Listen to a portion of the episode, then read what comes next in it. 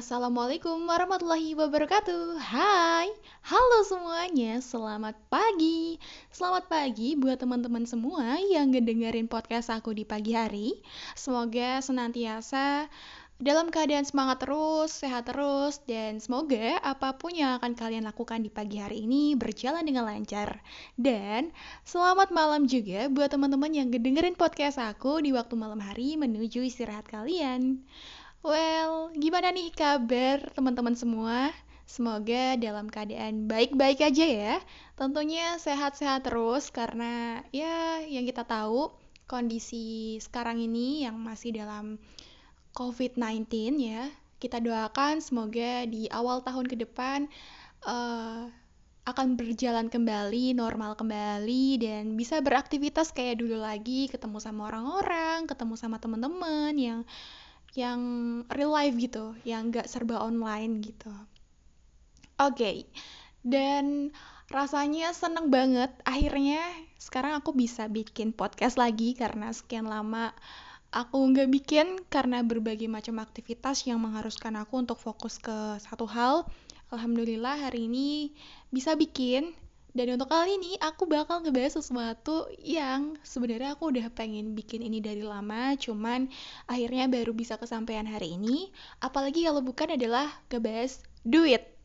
Ya, seperti yang kita tahu ya, duit itu adalah salah satu hal yang emang sebenarnya harus kita atur dan emang seharusnya kita tuh punya ilmu gitu loh, ilmu buat ngatur keuangan yang baik dan yang benar tuh kayak gimana uh, walaupun di luar sana banyak banget platform-platform yang udah uh, ngasih tahu ke kalian atau mungkin udah bikin konten-konten juga tentang finansial, tapi uh, kalian bisa nyari di berbagai sumber itu. Jangan terpatok ke satu hal. Kalian bisa ap uh, aplikasikan mana yang sekiranya itu cocok di diri kalian. Karena balik lagi sistem mengatur keuangan tiap orang itu beda-beda karena kebutuhan tiap orang itu beda-beda gaya hidup masing-masing orang beda-beda. Jadi jangan pernah mengkotak-kotakan dan jangan pernah untuk menyamakan satu dengan yang lainnya. Dan untuk kali ini pasti bakal relate banget sama teman-teman yang mungkin seumuran sama aku di usia 20-an jomblo belum punya pasangan, belum punya anak, dan pendapatannya cuma dari satu arah aja, dari satu sumber, terus kemudian juga ngerantau, dan kalau dibilang mahasiswa, ya mahasiswa, pelajar, ya pelajar. Jadi, buat kamu-kamu yang mungkin nih sama kategorinya kayak aku, nah kita bisa nih saling share bareng gitu. Jadi, Caranya gimana? Kalau misalkan aku ngatur duit ala aku, ala mahasiswa, ala rantauan, ya gitulah. Jadi yang pertama itu adalah kalian bisa siapin dulu buku atau catatan dan kemudian kalian tulis dulu nih kira-kira income kalian atau pendapatan kalian per bulannya itu berapa. Terus kemudian sumbernya dari mana aja.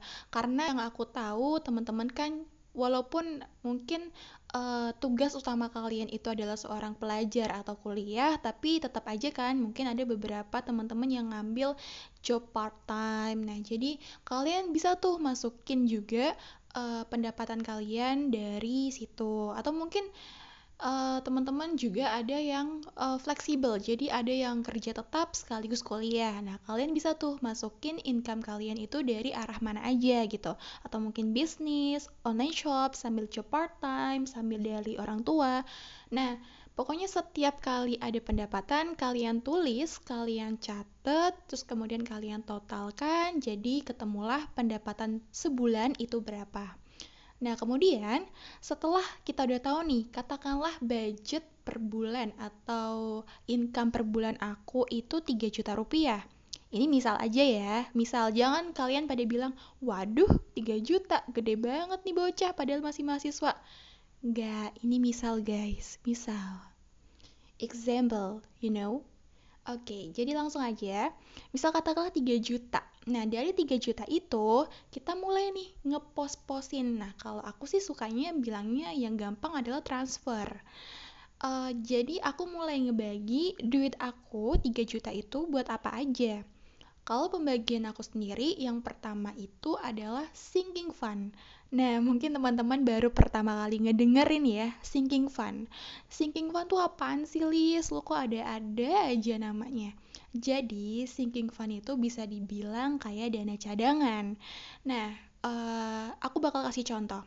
Contoh nih, misal besok uh, di bulan Desember itu bakal ada yang namanya uh, katakanlah hari ibu. Nah, tentunya kita bakal ngasih kan buat ke ibu kan, kado. Nah, kita bisa pakai uang untuk ngebeliin kado ibu itu dari uang sinking fund ini. Jadi sinking fund itu kayak dana cadangan yang emang udah kita siapin untuk hal-hal yang uh, emang emang mesti ada gitu. Contohnya kayak lebaran, terus ada tamu yang tiba-tiba datang, terus buat kondangan, buat uh, apalagi ya kayak ulang tahun gitu-gitu. Nah, jadi sistemnya adalah kalau sinking fund ini aku ngebudgetin setiap bulan aku nyisihin duit berapa katakanlah 200 ribu untuk sinking fund setiap bulannya gitu dan uang itu diambil kalau pas memang ada perlunya aja Misal contoh tadi, ibu kita mau kita kasih kado pas hari ibu. Nah, kita ambil dari sinking fund itu.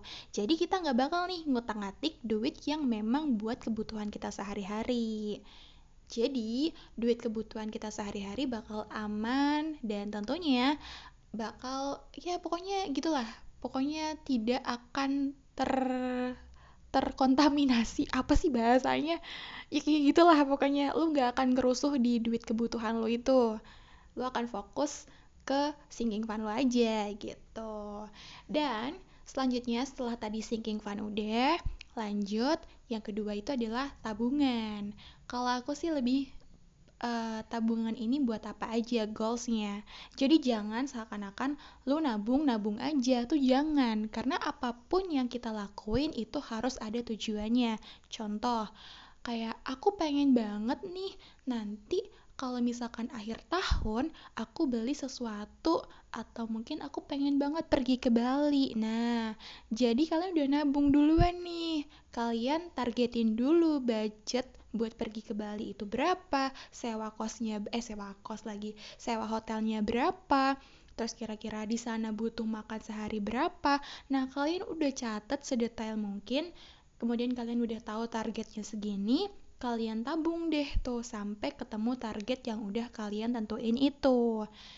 Nah, abis itu nabung itu juga nggak cuman nabung secara manual aja ya di rekening tapi nabung juga banyak.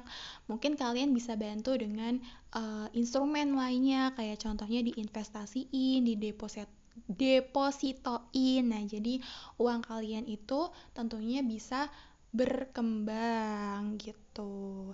Dan kemudian setelah tadi apa tuh uh, sinking fund udah tabungan udah baru deh kita ketagihan Tentunya kita sebagai mahasiswa pasti punya dong yang namanya tagihan-tagihan. Gak cuman orang-orang yang udah nikah aja, gak cuman orang-orang yang udah kerja aja yang ada tagihan, tapi kita-kita mahasiswa tentunya juga punya tagihan. Contohnya tagihannya itu apa aja? Contoh tagihannya itu adalah misal paket internet, terus kemudian ada uh, apa tuh skincare ya kalau cewek-cewek setiap bulan. Terus kemudian ada uang bensin atau uang transport. Terus kemudian ada mungkin buat beberapa teman-teman yang bayar sewa kosnya bulanan. Nah ini bisa juga dimasukin ke dalam bentuk tagihan atau cicilan. Kalian tulis kira-kira sebulannya kalian itu ngeluarin budget berapa. Terus kemudian yang selanjutnya yang terakhir adalah setelah semuanya nih yang penting-penting udah nih udah semua katakanlah udah sinking fund udah tabungan udah tagihan udah udah aman deh udah beres. Baru sisanya ini adalah buat kebutuhan kalian sehari-hari.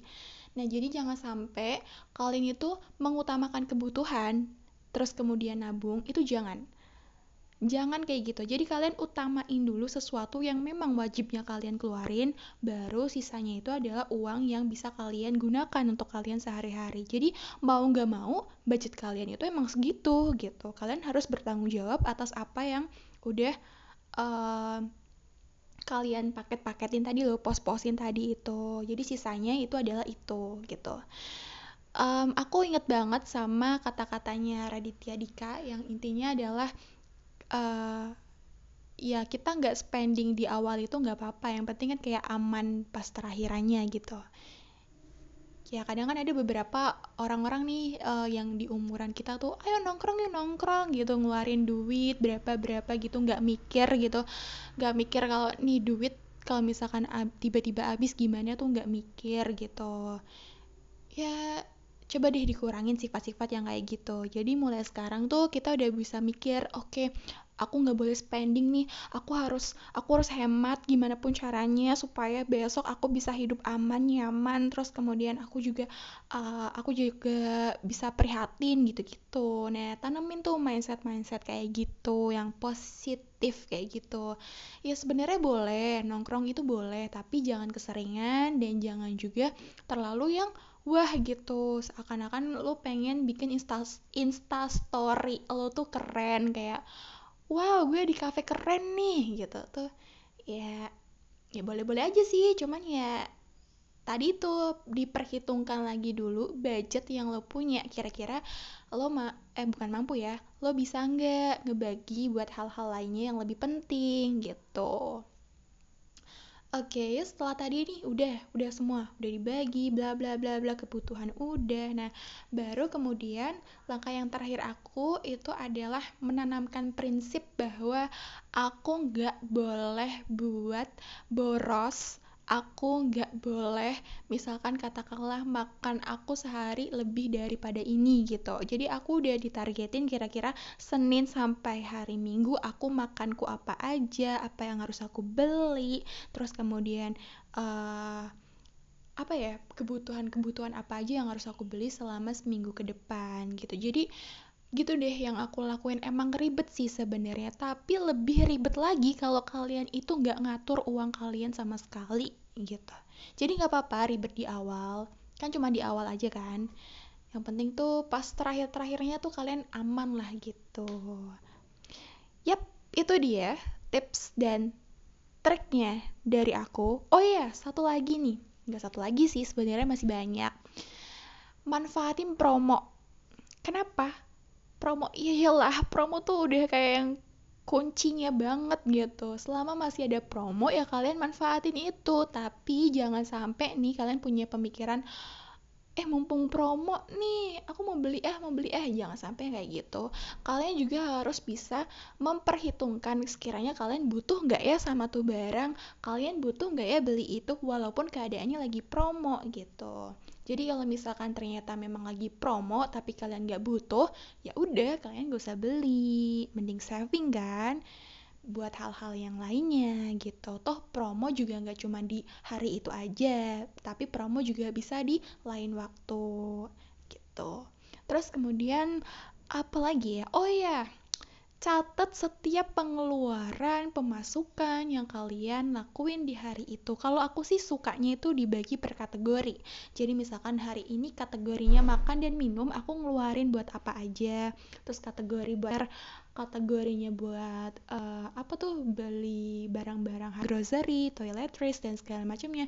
Nah, dicampur jadi satu. Jadi pas akhir bulan aku bisa ngevaluasi, oh ternyata makan aku sebulan habis segini gitu. Jadi kalau misalkan besok-besok ada beberapa yang bisa aku adjust dan bisa ada yang aku simpen gitu. Kalian paham kan sampai sini kan? Semoga paham ya. Dan um, ya itu aja sih yang tips dan triknya yang aku lakuin selama aku ngatur keuangan ala aku. Semoga teman-teman semua yang masih dalam uh, orang-orang yang nggak mikirin ke depan disadarkan untuk ya kamu tuh harus ngatur keuangan kamu secara baik dan benar gitu. Karena kalau nggak sekarang kapan lagi? Karena kalau nggak diatur juga gimana kan? Ribet nggak apa-apa daripada eh, nggak uh, diatur sama sekali gitu. Jadi sekian dari aku. Semoga bermanfaat, semoga ada yang bisa diambil sama teman-teman. Dan wassalamualaikum warahmatullahi wabarakatuh. Bye bye.